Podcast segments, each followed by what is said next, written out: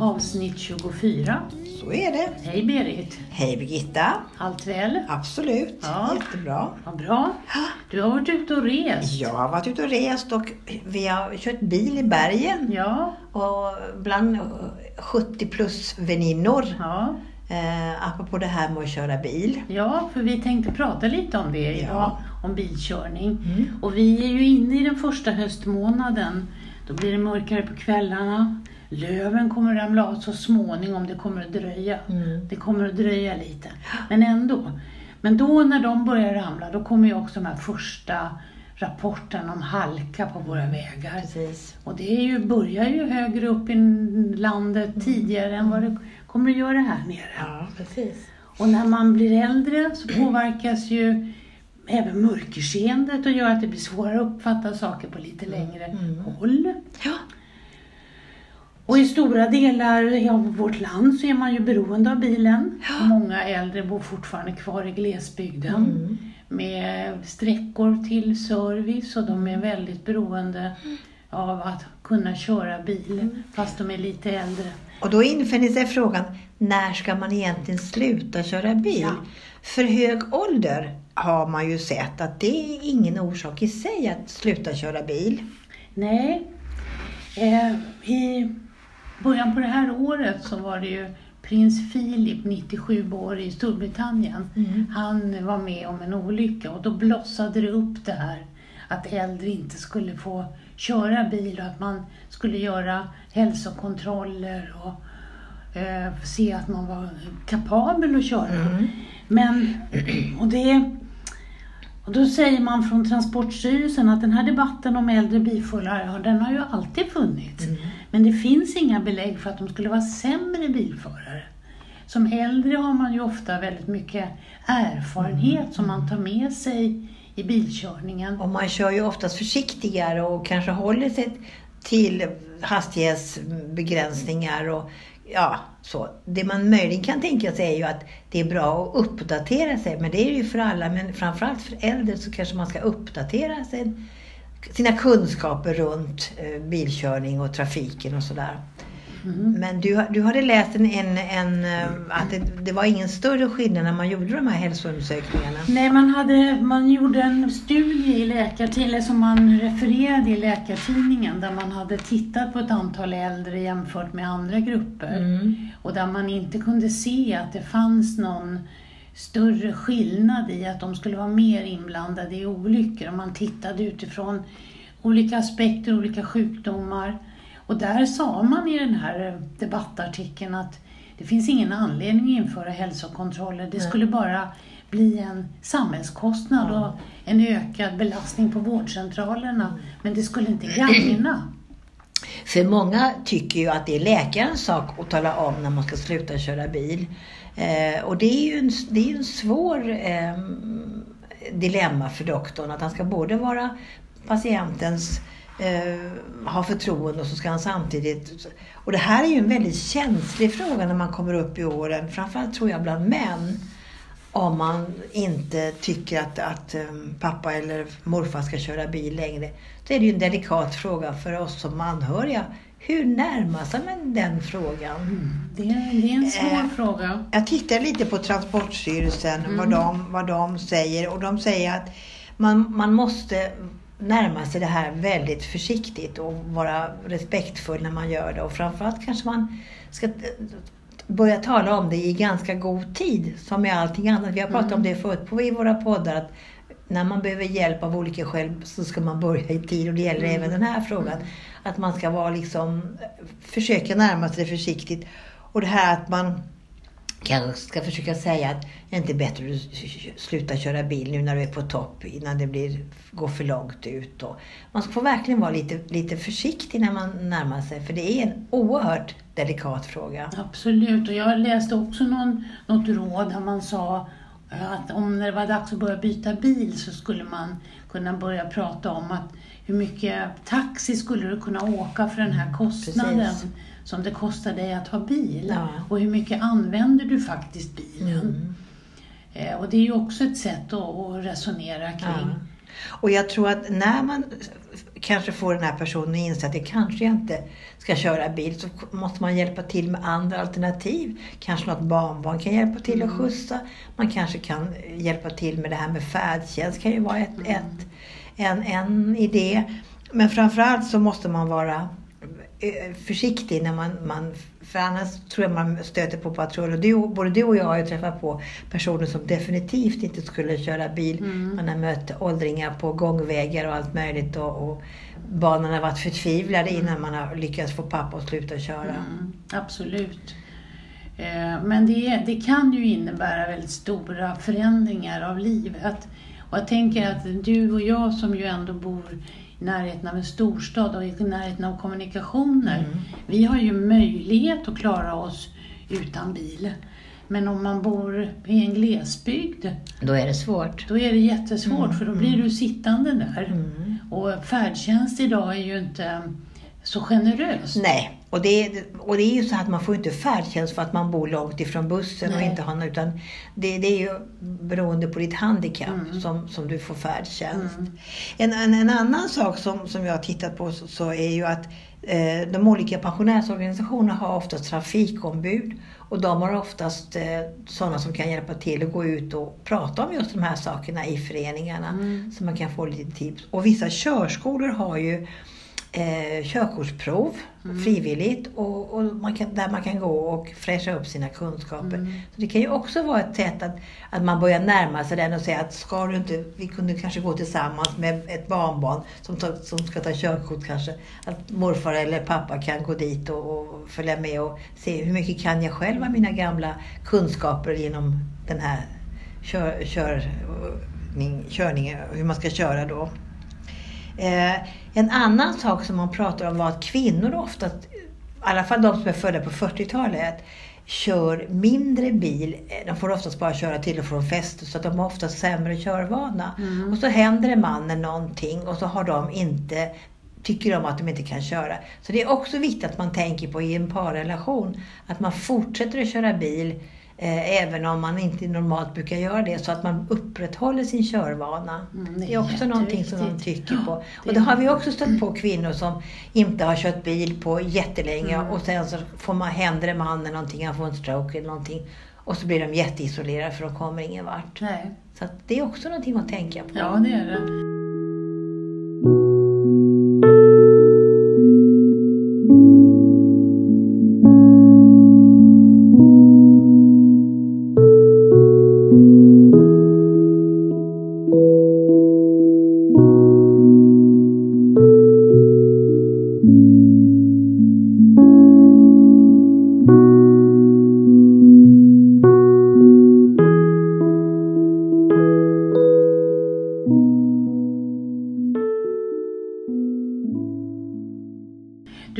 Också vid något tillfälle Berit att man kunde gå in och göra körkortsprov. Ja, eftersom jag har haft, nyligen haft barnbarn som har tagit körkort så gjorde vi, kan man på Trafikverket, Trafiksäkerhetsverket eh, gå in på hemsidan och så kan man få ta fram körkortsfrågor, eh, prov. Och så Ja. kan man göra det. Och där är ju ett bra sätt att hemma sitta och fnula och fundera, vad kan jag själv om så jag ska faktiskt titta på det tänkte jag nu och se hur mycket, hur mycket kunskap har jag själv. Ja. För det, man tappar ju mycket av det och det kommer nytt och man tänker inte på det och, och så. så det tror jag är också en viktig sak, att man håller sig ajour Mm. eh, med, med trafikregler och trafikmärken och sånt där som är ute i... Ja, för det finns ju väldigt mycket trafikmärken som inte är riktigt likadana över hela världen utan som ju faktiskt ser lite olika ut Ja, beroende på ja. vad du är. Och jag funderar på, när du säger så här med, med körkortsprov och det. Jag blev ju på, min bil blev påkörd Mm. utav en, en 90-årig man eh, som hade kom från ett annat land. Och det visade sig när han stod kvar och väntade så snällt på att jag skulle komma ut från den affär jag var. Som tur var, för det var ju enkelt med, med bilförsäkringen då. Men han kunde inte tala ett ord svenska. Han hade varit här i 34 år i Sverige men han kunde inte säga ett ord på svenska.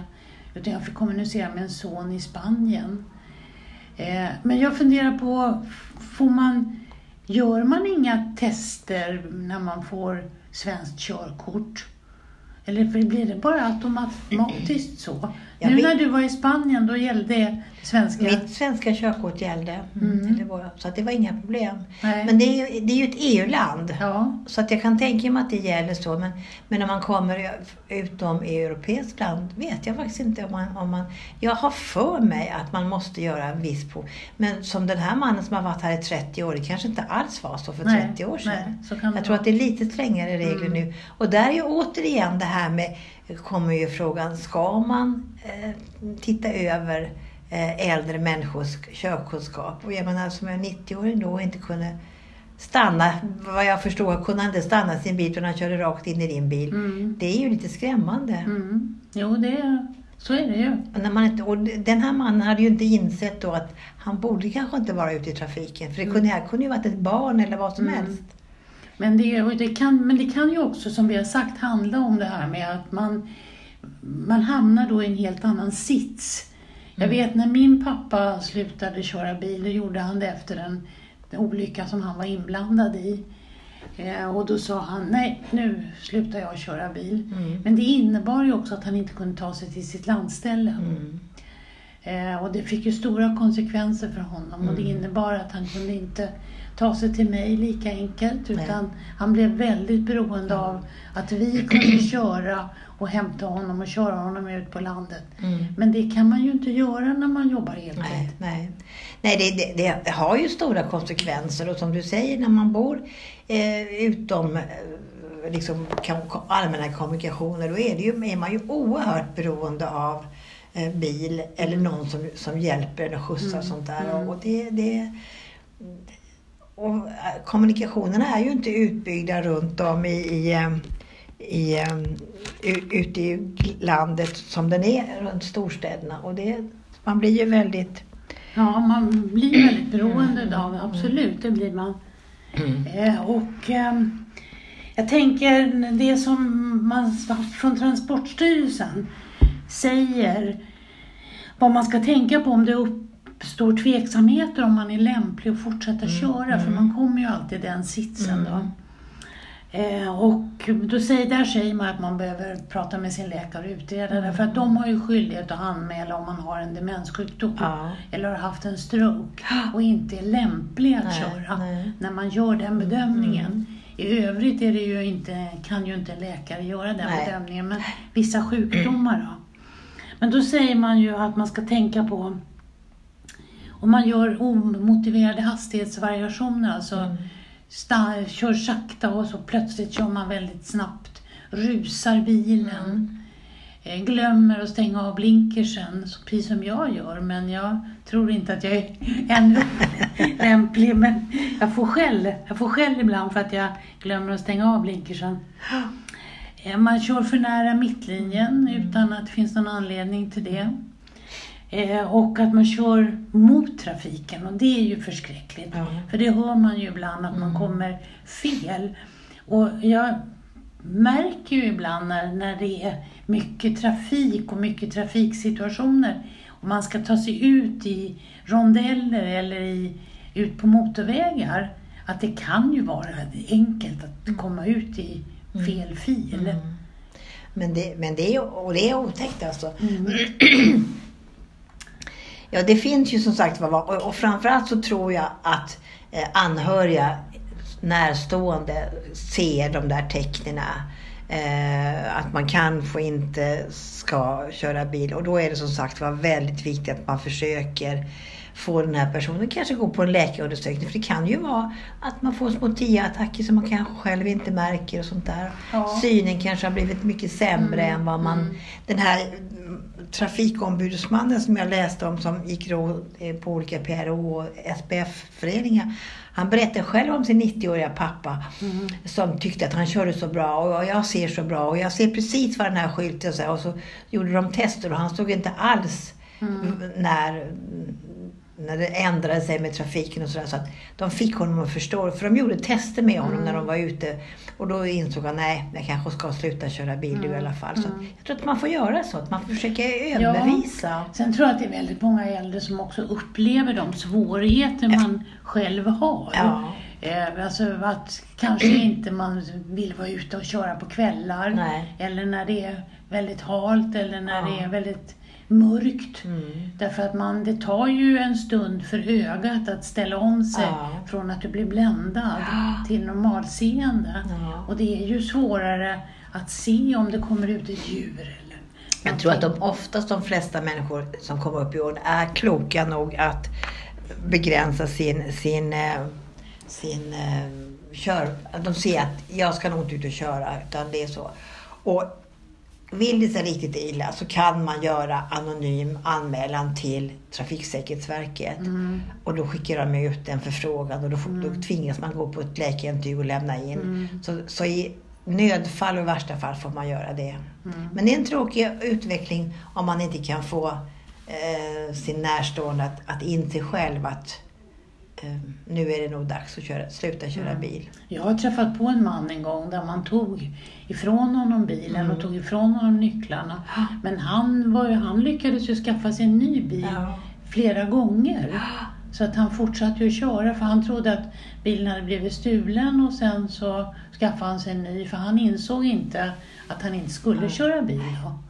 Ja, det är tråkigt och det är framförallt förödande för alla trafikanter runt omkring. För det kan hända när man då har tappat omdömet helt. Så att Mm. då får man nog anmäla till traf- Transportstyrelsen att nu är det nog dags för Mr X. Precis, men vi kan ju ändå konstatera att det finns, man säger ju enligt studier att det finns ingen skäl att genomföra obligatoriska hälsokontroller. Och det finns inget som säger att äldre är mycket sämre än vad yngre är att köra bil. Och däremot kan man väl också slå fast att vi ska inte bli så irriterade om det är en äldre som kör lite saktare framför oss. För det, det är väl vi som stressat utav det och vill om och tycker att den här personen ska inte köra bil. Men det, det är en säkerhets, säkerhet som de inför och det tycker jag är bra. Ja, och man kan konstatera att hög ålder i sig är inget skäl att sluta Nej. köra bil. Så är det. Ja, då får vi sluta för idag Birgitta. Ja. Tack så Tack mycket. för idag. Ha det Tack. gott. Detsamma. Hej. då.